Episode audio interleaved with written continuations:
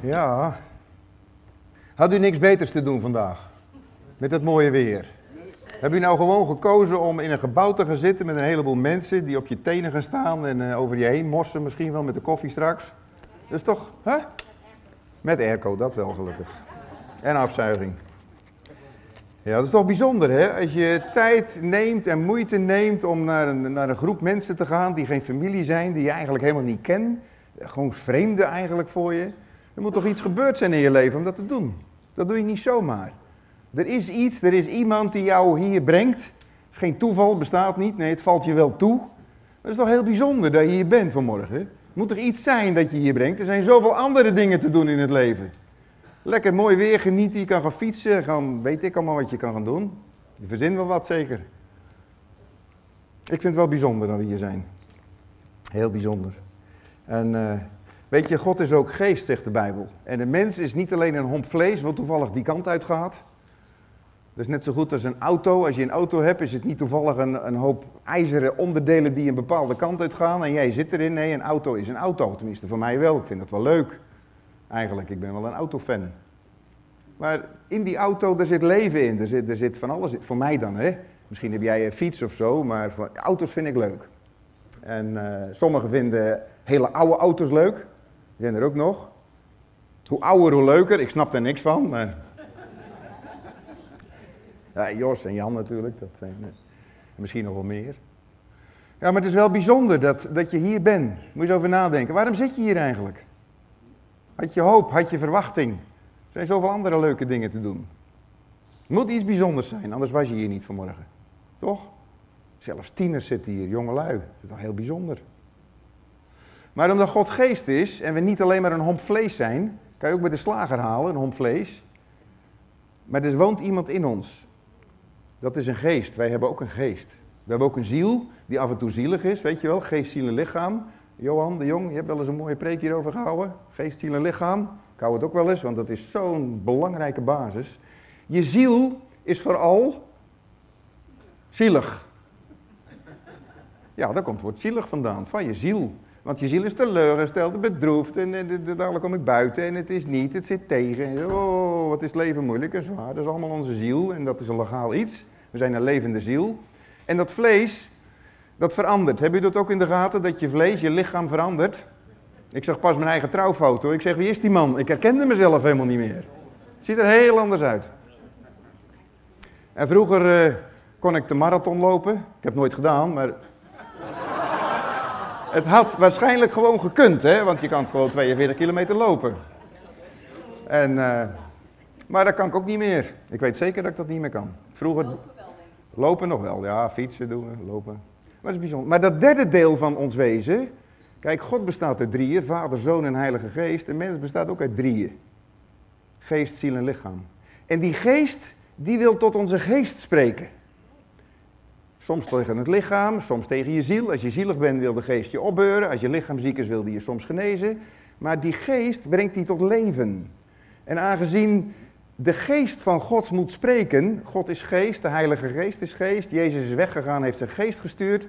Die geest die moet nu tot u gaan spreken. Heel de morgen al trouwens.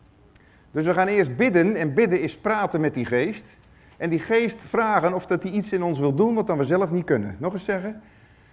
Moeilijke dingen doen we toch zelf, maar de geest van God, daar kunnen we dingen mee doen die we van onszelf niet kunnen. Een van de dingen bijvoorbeeld is uh, vergeven, waar het boekje over gaat. Heel moeilijk, zeker je vijanden lief hebben. Heel moeilijk, onmogelijk. God vraagt van ons geen moeilijke dingen, maar onmogelijke dingen in ons lichaam in onze ziel zijn we zo zielig dat we die onmogelijke dingen van God niet kunnen. Maar door die geest van God worden we in staat gesteld om dingen te doen die we van nature niet kunnen. En daarom gaan we die geest van God vragen of dat hij iets wil doen wat ik niet kan door een preek. En wat niemand kan doen door een preek of een boodschap of een woord of een gesprek of bij de koffie. Maar u moet niet iets verwachten van de prediker vanmorgen. U moet iets verwachten van de schepper van hemel en aarde. En uw verbinding moet niet zijn iets over God te horen vanmorgen, maar iets van God te horen. Dat u zelf zegt, oh Heer, dank u wel voor deze boodschap. Dank u, daar kan ik wat mee. Daar moet ik wat mee. Dus we gaan eerst bidden. En bidden is praten met Gods geest. Met de Heer Jezus, met de drie enige God. En dat doen wij met onze geest. Je kan het ook met je lichaam doen. Als je je handen opsteekt of gaat liggen of gaat knielen, dan doe je het met je lichaam. Maar we doen het met onze geest. Het makkelijkste is je om je ogen dicht te doen. Word niet afgeleid door die mensen die voor je zitten. Vader in de hemel, we komen tot u in de naam van Jezus Christus. Dank u wel voor wat u gedaan hebt, doet en nog gaat doen. Dank u dat u de levende God bent en zich ook presenteert als de levende God. Heere God, en we bidden dat u ons verstand geeft, dat u ons helderheid geeft van denken. Dat u ons inzicht geeft in wie u bent en wat uw woord tegen ons wil zeggen deze morgen. Heere God, raak onze geest aan, raak ons hart aan. Heer, dat het geen verstandelijk denken en weten blijft, maar dat het wat dieper zakt, Heer, in ons innerlijk. Dat we diep van binnen mogen weten dat we uw kind zijn. Diep van binnen mogen weten dat we gered zijn. Diep mogen weten dat onze zonden vergeven zijn. Diep mogen weten dat we uit genade alleen maar kunnen gered worden en, en leven hier op aarde. Spreek dan, heren. We willen uw stem horen door de boodschap van uw woord heen. In Jezus' naam. Amen. Ja, heb u wel eens dat verhaal gehoord van uh, dat het volk Israël uit uh, Egypte trok en toen zonden ze verspieders uit en die verspieders, er kwamen er een paar terug met een druiventros die ze met twee man moesten tillen. Ken u dat verhaal? Ik heb het nooit gesnapt. Maar pas zag ik een foto en er was een druiventros. Ik denk, ja, kijk, daaronder lopen nog wat mensen. Ik denk, dat soort trossen, die moet je toch echt wel met twee man tillen. Ziet, ze bestaan dus. En ik heb van de druiven zo, en dan denk ik, ja, als ze heel groot zijn en in de supermarkt vind je er wel eens zo één, maar daar heb ik toch geen twee man voor nodig om te tillen. Ik heb dat verhaal nooit begrepen. Tot ik deze foto zag. Ik denk, nee joh, maar zo groeit dat in een, in een rank. Dus ja, als ze dit meegenomen hebben naar, uh, naar het volk toe, dan moet je toch wel na gaan denken, uh, bijzonder land waar we naartoe gaan. Nou, ook even delen, heeft niks met de preek te maken. Ik weet niet, ik kreeg hem van iemand. Maar ergens in het Midden-Oosten, zo te zien aan de mensen die daaronder staan. Een beetje donker getinte mensen, donker haar. Dus ergens in het Midden-Oosten. Ja, vanmorgen wil ik het uh, over een andere drie-eenheid hebben. De Heer Jezus, toen hij wegging, heeft hij ons niet als wezen achtergelaten, maar hij heeft zijn Heilige Geest gestuurd. Maar we hebben meer dan de Heilige Geest. Er zijn drie dingen die de Heer Jezus achtergelaten heeft. Weer drie dingen. Dat is zijn geest, zijn woord, de Bijbel en zijn gemeente, de kerk. En dat is ook een drie-eenheid. De Heilige Geest, een woord en de gemeente, de kerk. Helaas dat laatste stukje voor velen. Maar als je nou één van de drie weghaalt, wat denk je waar je dan overhoudt? Laten we zeggen dat we de geest weghalen. Ja, dat is leuk, dan is het gezellig, toch? Misschien als de koffie goed is en dan zijn we een soort club. En dan uh, zijn we het eens of niet eens. En dan uh, voetballen we nog wat na de dienst, drinken koffie en een gebakje. En dan, uh, nou, dan is het leven zo, hè. Als de geest weg is, dan is het leven eruit. Dan is de liefde eruit, dan is de genade eruit, dan is de vergeving eruit. De Heilige Geest spreekt en dat maakt ons levend. De Heilige Geest doet ons opnieuw geboren worden. Die geeft ons de blijdschap van het geloof. Zelfs in de storm is er blijdschap. Ongekend, bovennatuurlijk. Als je nou het woord van God weghaalt, wat krijg je dan?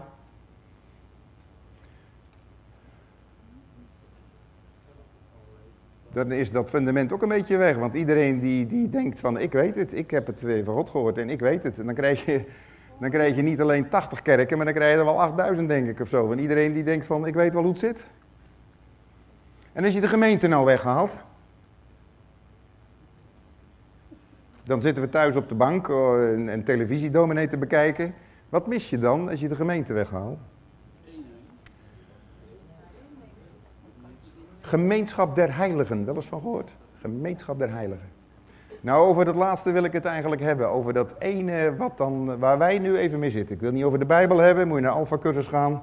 Heilige Geest, dan beoefenen we dat op andere momenten, nu ook. Want zonder de Heilige Geest snappen we dit niet. Dus Heilige Geest, openbare stukje van wat u wil zeggen.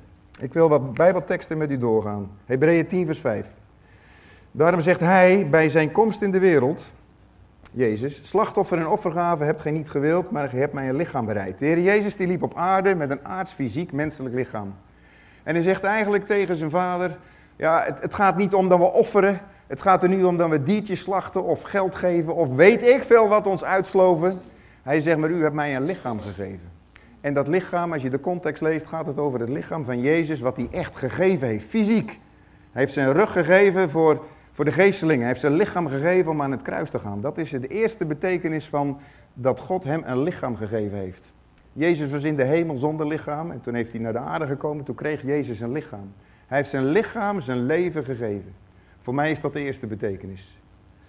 Voor mij zit er ook een diepere betekenis in. Dat God de Vader ook een geestelijk lichaam aan Jezus geeft. En daar wil ik het over hebben. God de Vader bereidt voor zijn zoon een bruid. Oftewel ook een lichaam. In Efeze 1 vers 22 staat... God heeft letterlijk alles aan Christus onderworpen en hem, Jezus, als enig hoofd aan de gemeente gegeven. Dus als er gevraagd wordt, joh, wie is het hoofd bij jullie in de kerk? Dan moet je niet zeggen Edwin of wat van de Wiel, dan moet je zeggen, bij ons is het hoofd Jezus Christus. Daar moet u van overtuigd zijn, want God zegt, Jezus is het hoofd. En wij zijn allemaal dienaren, ieder op zijn plek. In de koffiedienst, de stoelendienst, de prediking, waar dan ook. Wij zijn allemaal gelijk. Wel onderscheiden naar gaven en talenten. Maar we hebben een hoofd. En om dat hoofd gaat het in heel ons leven. In de kerk gaat het om Jezus. En Jezus. En Jezus. Als je Jezus eruit haalt uit de kerk, dan, dan krijg je een club.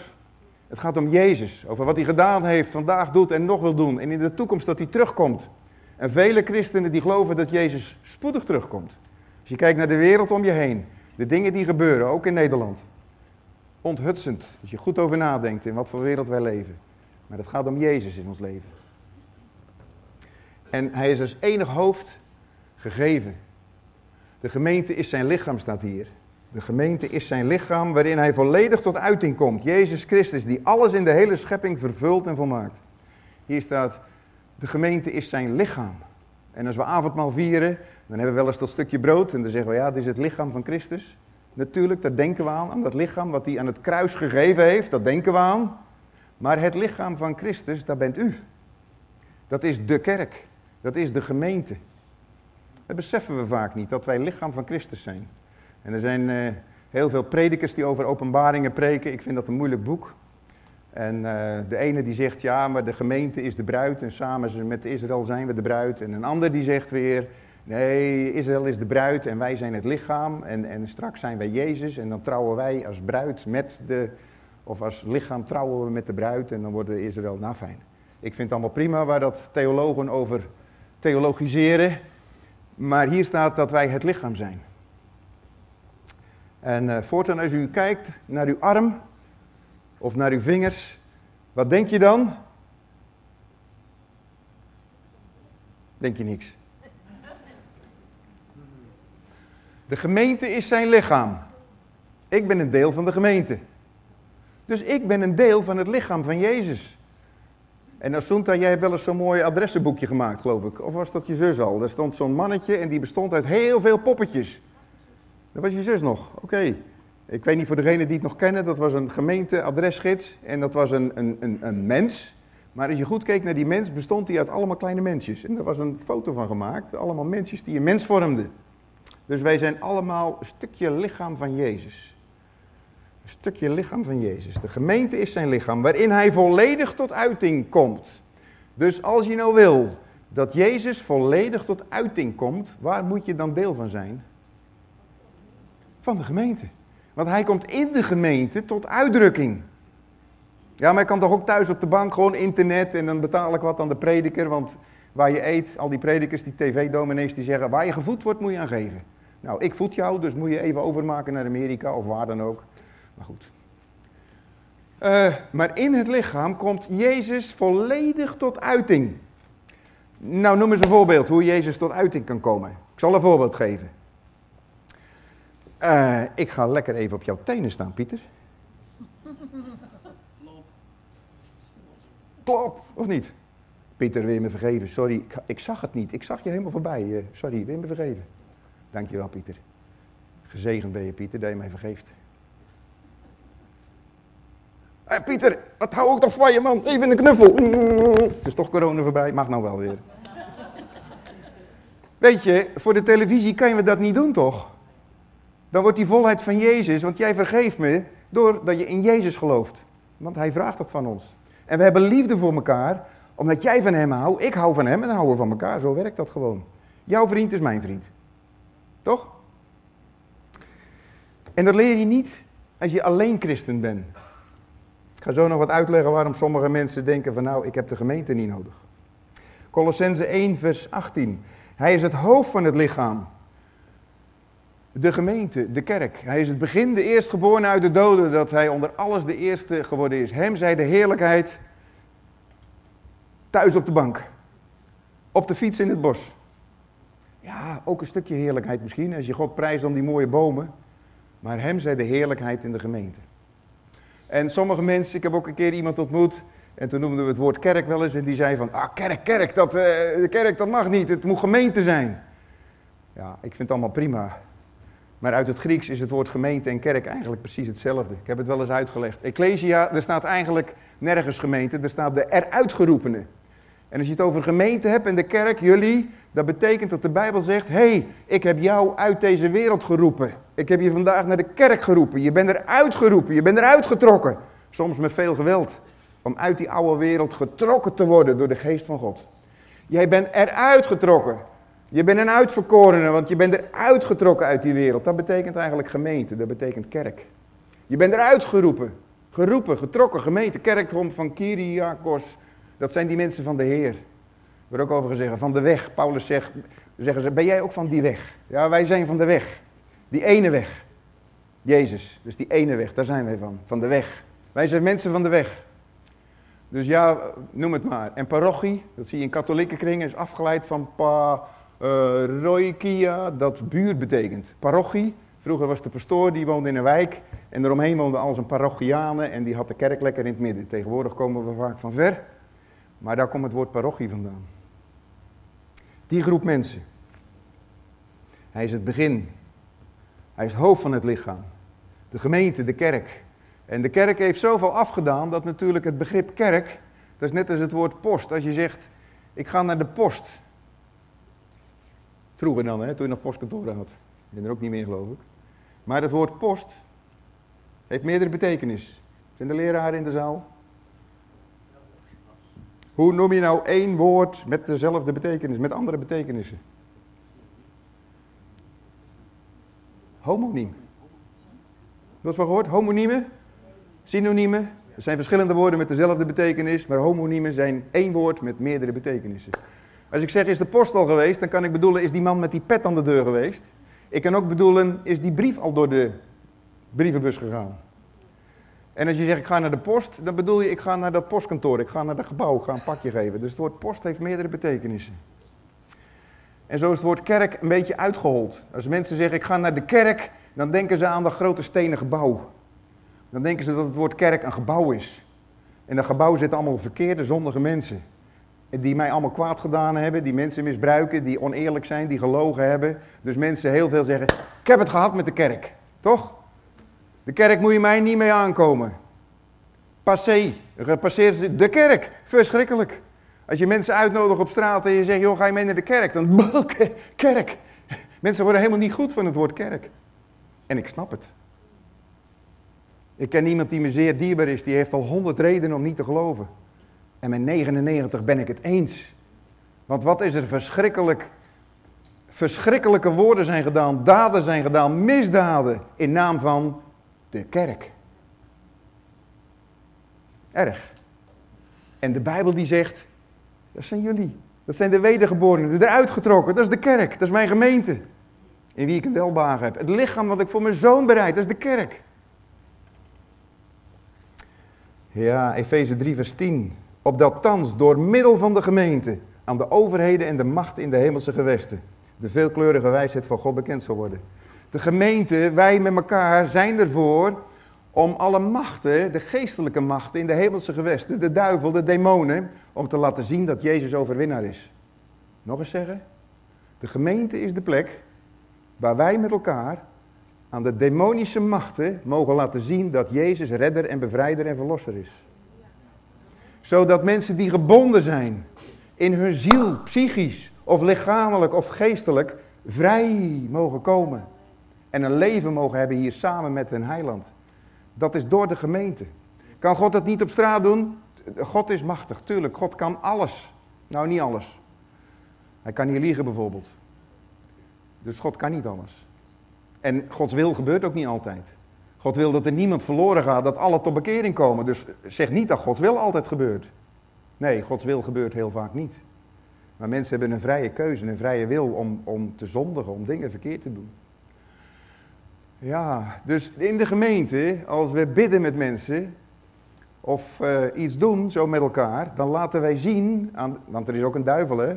We hebben niet alleen maar ons lieve Heertje in de hemel, er is ook een demonische macht die terroriseert, die mensen kapot wil maken, die relaties kapot wil maken, die alles kapot wil maken. Met de middel van de gemeente. Daarom hebben we elkaar nodig als broers en zussen. Als er bij mij wat is, hoop ik dat jullie mij komen helpen. Als er bij jou wat is, wil ik jou komen helpen. Daarom zijn we gemeente. Hij zegt ook in 1 Timotheus 3 eh, vers 15, mocht ik nog uitblijven, dan weet gij hoe men zich behoort te gedragen in het huis Gods. Dat is de gemeente van de levende God. Ah, wat een titels. Ik hoor, wat? Het huis. Gods huis zijn wij. Het is een godshuis. Als de gemeente er is, als de geest van God er is, is het een godshuis. De gemeente van de levende God. En er staat ook, dan mag je weten, als je, als je de Bijbel leest, Timotheus, hoe je je behoort te gedragen. Oh ja, dat is ook wel mooi. Wij hebben als kerk een gedragscode. Daar komt hier vandaan. Want de Bijbel geeft richtlijnen hoe wij ons moeten gedragen. Dat betekent op stoelen gaan we zitten en dan gaan we niet op staan. Af en toe doe ik dat wel, maar dan moet ik heel blij zijn. Op tafels gaan we niet lopen, op stoelen gaan we gewoon zitten. Dus we hebben bepaalde gedragsregels. We beginnen om half uh, ongeveer. En we zijn altijd blij met die mensen die toch heel laat komen, te laat komen. Daar ben je altijd blij mee. Hé, je bent er toch in ieder geval. Wat een strijd kan dat zijn toch, om half elf hier te zijn.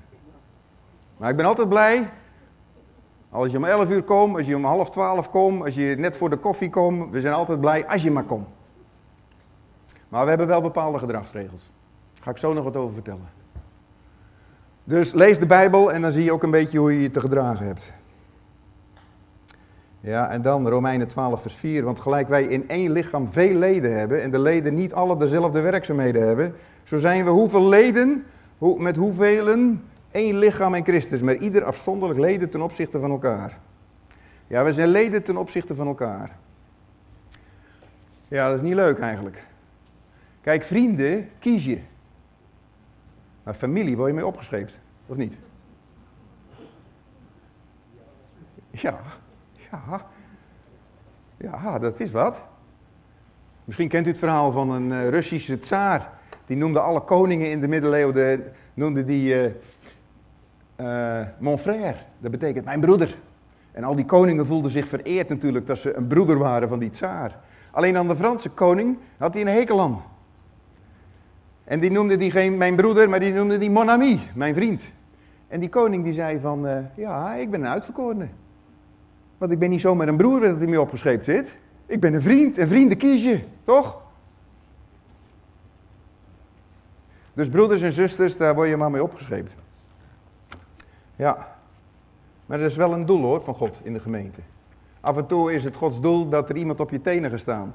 Want als dat nooit gebeurt, lieve broeders en zusters, alleen maar mensen die, die ijsjes aan je geven en lollies, dan word je net als een kind, als dat kind vraagt, ik wil een ijsje, ja hoor. En vijf minuten later zegt, ik wil een ijsje. Ja, tuurlijk joh, een ijsje. Ik wil, ik wil een ijsje. En nou wil ik een lolly. En nou wil ik een droppie. En dat gaat zomaar door. Dan voel je toch wel, uiteindelijk gaat dat niet goed komen.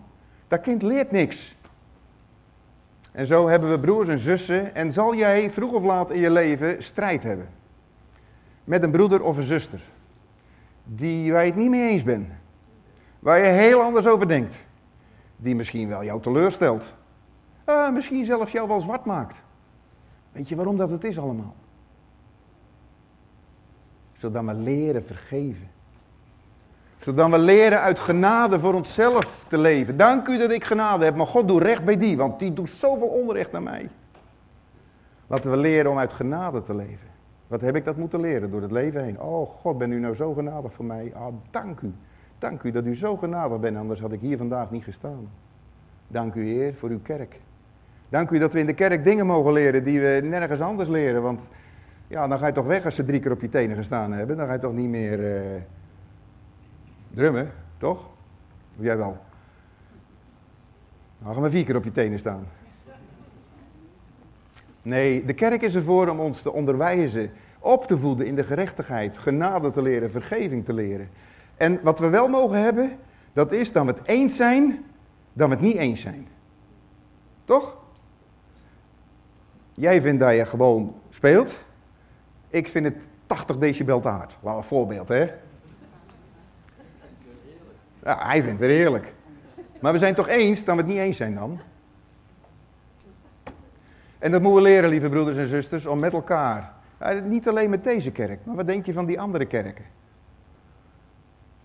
Wat denk je nou van die andere kerk, waar ze het allemaal anders doen? Wat vind je daarvan? Heb je eens over nagedacht? Dat dat ook lichaam van Christus is. Dat het ook eruit getrokkenen zijn. Mensen doen het anders. Bij de ene kerk, daar springen ze altijd in de lucht. En bij de andere kerk kijken ze altijd naar beneden, lopen ze in het zwart. Maar het is wel de kerk, het lichaam van Christus. Zullen we nooit veroordelend zijn over al die andere kerken die het anders doen? Het mag toch anders? Dat je niet thuis voelt, prima. Zoek een kerk waar je als een vis in het water bent. Maar ga nooit veroordelen naar welke kerk dan ook. Want de kerk, hoe slecht ook, en in de kerkgeschiedenis verschrikkelijk wat ze gedaan hebben. Maar leer ze liefhebben. Leer andere kerken te zegenen. Dat ook het woord van God en de kracht van de Heilige Geest in iedere kerk. Maar dat ze het zo anders doen als wat jij vindt. Dat ze daar Jezus mogen leren kennen. Dat ze God mogen verheerlijken op hun manier. Als je het op je knieën wil doen, is toch ook best, joh. Als je met je handen in de lucht wil doen, is toch ook best, joh. Leden ten opzichte van elkaar. Dat is wat we mogen leren. En 1 Korinthe 12 zegt, als een lid leidt, leiden alle leden mee. Als een lid eer ontvangt, delen alle leden in de vreugde. Gij nu zijt het lichaam van Christus en ieder voor zijn deel leden.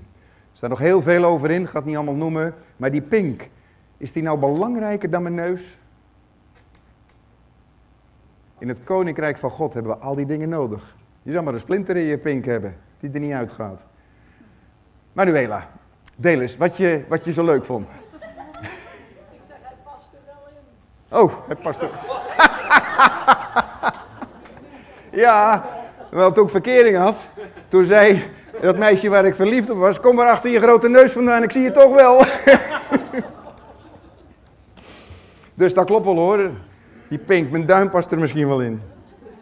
Altijd vol humor hè, die, uh, die Manuela. Kan zo leuk uit de hoek komen, je zou ze er zo weer in terugzetten. Maar wij zijn het lichaam van Christus en we leren met die ongemakkelijkheden en onhebbelijkheden en meningsverschillen in de kerk, naar andere kerken toe, leren wij omgaan en genade geven en liefhebben. En ik las een keer van een prediker, en ik geloof dat hij intussen bij de Heer is, maar het volgende. En die schreef, ik houd van de kerk van Jezus Christus met mijn hele hart. Ondanks alle fouten en tekortkomingen die het gevolg zijn van onze zondigheid, is die kerk nog steeds het prachtigste concept dat ooit is geschapen. De kerk is al 2000 jaar het instrument dat God gebruikt om te zegenen. De kerk, het lichaam van Jezus, is het waard ons leven ervoor te geven en verdient het beste wat we te bieden hebben. Ik zal het nog een keer lezen. Eigenlijk moet u dit, ik doe dat niet hoor, dat u dat hardop met mij leest, maar lees het nou eens hardop in je hart. Ik houd van de kerk van Jezus Christus met mijn hele hart. Ondanks alle fouten en tekortkomingen die het gevolg zijn van onze zondigheid, is die kerk nog steeds het prachtigste concept dat ooit is geschapen. De kerk is al 2000 jaar het instrument dat God gebruikt om te zegenen. De kerk, het lichaam van Jezus, is het waard ons leven ervoor te geven en verdient het beste wat we te bieden hebben. Vindt u het ook? Dit gaat over de kerk. Het gaat over mijn kerk. Gaat over mijn protestantse kerk. Gaat over mijn gereformeerde gemeentekerk. Gaat over mijn Rooms-Katholieke kerk. Gaat over mijn Pinksterkerk. Gaat over mijn Baptistenkerk. Dat is de kerk. Misschien bent u wel eens op vakantie geweest. Als ik op vakantie ben en dan kom daar in zo'n ruïne. En dat, dat, staat er al 1500 jaar. In het jaar 500 hebben daar dan mensen gezeten die God zochten. Ja, maar eh, die, die, die, die uh, klerens, uh, de geestelijkheid, klopte alle geld uit die mensen hun zakken. Ja, maar weet je wat die mensen deden? Misschien zijn ze misleid, waarschijnlijk. Maar die hebben geld gegeven uiteindelijk om hem te eren. Had allemaal niet nodig geweest, die dure kathedralen natuurlijk, kan veel goedkoper. Maar die mensen, hun harten, die gingen naartoe. Misleid, misschien bedrogen, maar die individuele kerkganger, denk ik dat hij deed met een hart om God te eren. Dat denk ik dan. En dan zit ik daar in een ruïne en dan denk ik, oh heer, duizend jaar, 500 jaar, 1500 jaar geleden zaten hier mensen die u volgden. Die hun leven gaven vaak voor u. Dan heb ik wat bedacht. Ik heb dat, uh, en dat is nog niet klaar hoor, het volgende.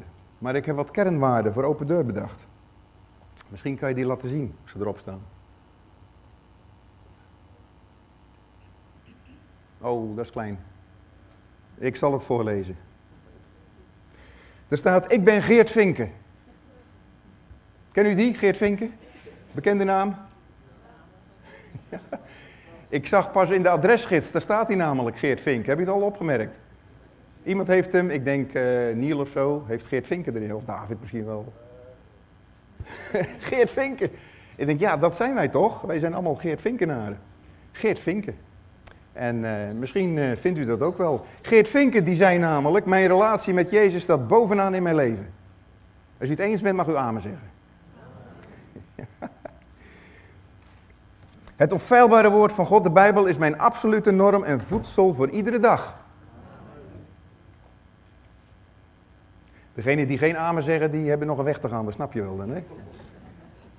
Ik wil de wil van God kennen en doen als hoogste prioriteit de wil van God kennen.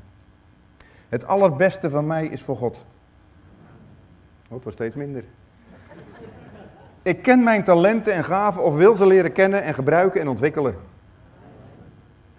Weet je, de Bijbel zegt dat ieder mens een talent of een gave heeft gekregen om God ermee te eren. Ieder mens. Er staan wat Bijbelversen bij, ik zal het wel rondsturen, kan je het nog eens een keer lezen. Ieder mens heeft iets van God gekregen om hem te eren daarmee. Dus de vraag is, wat is, wat is ik heb jarenlang dat allemaal gehoord, deze dingen. Tot ik denk, hé, wat heb ik nou ook een gave? Ik was wel bezig in de kerk. Ik denk nog af en toe, welke gave heb ik eigenlijk? Joh, dan zie ik allemaal van die geweldige predikers over de hele wereld. En denk ik, ik heb helemaal geen gave. Maar goed, wat ik heb, dat deel ik. Oké? Wat ik kan, dat doe ik. Maar ik weet niet of ik allemaal gave heb. Misschien maar één of twee. Maar u hebt zeker een gave. En als u eh, vragen erover hebt, kom dan naar me toe. Dan zeg, joh, ik, ik, ik weet helemaal niet of ik een gave heb. Iedereen mag meedoen, staat hier. Niemand staat aan de kant. Dus iedereen mag meedoen met iets. Er zijn, uh, Eddie komt net naar me toe, die doet tieners. Hij heeft al op Churchboek gezet. Zijn er nog mensen die met mij willen helpen, de tieners? Dus er is heel veel te doen. En je hoeft geen, uh, talent, uh, geen, geen opleiding te hebben voor tienerwerk. Je hoeft zonder school, je hoeft allemaal geen opleidingen hier. Je hebt wel nodig dat je zegt, mijn relatie met Jezus daar bovenaan in mijn leven. Dat, dat heb je wel nodig. Dus deze dingen die hier staan heb je wel nodig als je wil zeggen, ik wil dienen in deze kerk. Iedereen mag meedoen. Ik wil een dienende dienaar zijn en besef dat alles wat ik goed doe door de genade van God komt. Er is niemand die hier zich voorstaat op van, kijk eens wat ik allemaal gedaan en gepresteerd heb. Het is genade van God. Ik loof God en wil anderen bemoedigen. Ik sta open voor correctie en verbetering. We streven naar beter, maar mogen fouten maken en krijgen en geven genaden. We gaan met elkaar voor een negen. Mag dat zeggen, wel eens ben je nou nooit klaar in die kerk? Nee, er zit iets in me dat ik eigenlijk altijd het mooier wil maken. Altijd beter wil maken. Beter geluid, beter klimaat. Uh, eigenlijk alles beter. Maar dat is een afwijking van mij, maar ik wil altijd dit beter maken. Want ik denk, God is altijd meer en verdient altijd meer dan dat ik gedaan heb. Ik heb geen schuldgevoel, maar ik probeer het wel altijd beter te doen. Mooier te doen. Hij is, als je de tabernakeldienst kijkt of de tempel, het was één en al pracht.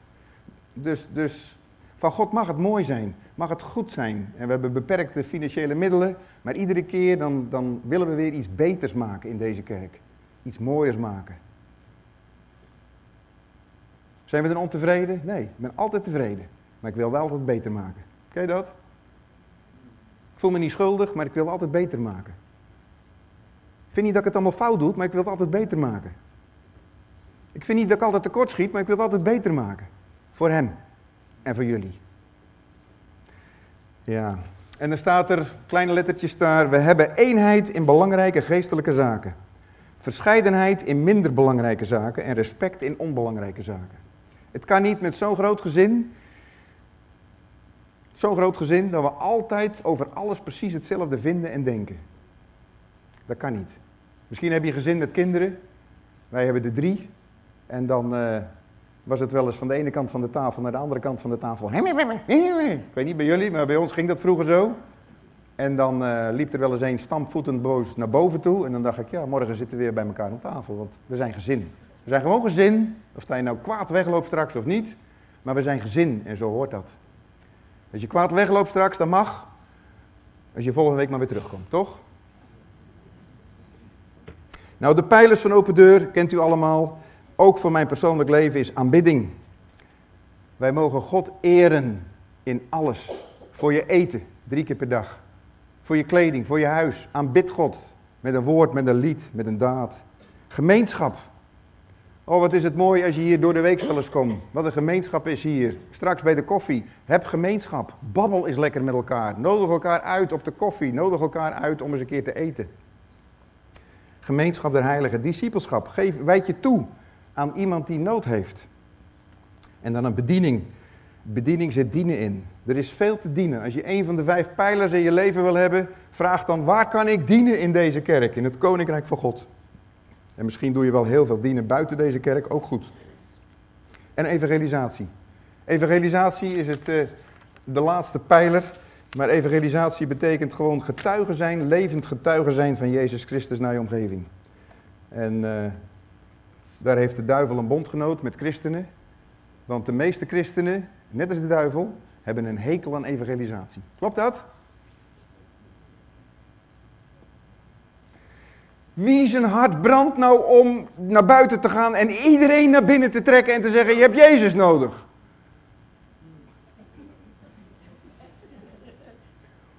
Dan krijg ik het warm van. Drie. Vier. Kijk, dat is zo dat er een enorme weerstand is. En ik hoorde een preek van de week van uh, Catherine uh, Kaan. Vrouw die. Uh, Keen, Keen. En die vrouw die is tien jaar lang door vier mannen misbruikt. En heeft nu een getuigenis over de hele wereld. En die begon eigenlijk de boodschap te vertellen dat in paradijs ging het eigenlijk al fout. Want ja, God kwam naar Adam en Eva en wat, wat, die hadden iets gedaan wat niet goed was. En toen kwam er, wat kwam maar over hun? Schaamte. Schaamte, wat God nooit bedoeld had dat mensen zouden hebben voor hem. En wij hebben vaak ook schaamte. En ik, ik trek het maar even door naar schaamte om mensen aan te spreken over koning Jezus. Die schaamte is al in het paradijs begonnen. En daar mogen we van af door de kracht van de Heilige Geest. Dus als je je nog schaamt, wat zeggen de mensen van me?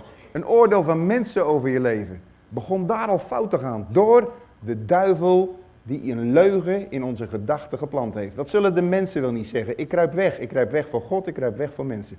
Reken af met schaamte. Want Jezus is niet alleen voor onze zonde aan het kruis gegaan, maar ook voor onze schaamte. Om die te dragen. Dus geen schaamte meer. Nou, dat is toch een duidelijke boodschap. Dus wie gaat nu naar buiten zonder schaamte om over Jezus te vertellen? Nou, dat is uh, al één winst. Dan ga ik maar bidden. Is dat goed? Vader in de hemel. Ja, u wilt ons uw heilige geest geven. Heren. Want we hebben uw kracht nodig. Heer, om geen schaamte te hebben om over u te vertellen. Heer, we hebben uw inwoning nodig. U, Heer Jezus Christus, aan onze zijde. Heer, om ons niet te schamen voor de kerk, voor de gemeente. We hoeven niet weg te lopen voor alles wat fout is. Ook in ons eigen leven. Heer, we beseffen dat iedereen tekort schiet. En dat alle mensen uit genade moeten leven. Maar geef ons de vrijmoedigheid, Heer, om groot te doen van u. We hebben gelezen dat uw heerlijkheid in het midden van de gemeente openbaar komt. We hebben gelezen dat we allemaal leden zijn van datzelfde lichaam. Heer, we willen ons toewijden aan u met alles wat u ons toevertrouwd hebt. Met heel ons wezen. We willen u nummer één van ons leven laten zijn. Heer, wil ons toewijden aan u, Heer Jezus Christus. We willen uw volgeling zijn. Heer, met minder kunnen we niet. We willen zeggen, net als Mozes, als u niet met ons meegaat. Heer, doe ons van hier niet optrekken. Heer, laten we niet naar huis gaan zonder dat u dadelijk met ons mee naar huis gaat. Laten we dan maar heel de dag in de kerk blijven zitten. Heer, we hebben u nodig. op de fiets, in de auto. We hebben uw engelenmacht nodig om ons te beschermen. Heer, om woorden van u door te krijgen, uw boodschappers in ons hart, in ons denken. Heer, zend uw licht en uw waarheid neder. Heer, dat bidden we in Jezus' naam. Heer, vul ons dan dat alle schaamte en alle angst verdwijnt in Jezus' naam als u ons openingen geeft om van Koning Jezus te getuigen. Heer, zo willen we deze week ook beginnen als eerste dag. Willen u loven, willen u aanbidden, willen gemeenschap hebben met elkaar, willen in discipelschap een ander dienen. Heer, we willen onze talenten, onze gaven tot uw eer gebruiken. Heer, en we willen van u getuigen. Help ons dan, Heer, en geef ons uw kracht. U kent ieder van ons hart. U kent ieder die dit gebed meebidt. Heer, en we zien uit naar de wonderen die u in ons hart gaat doen deze week. In Jezus' naam. Amen.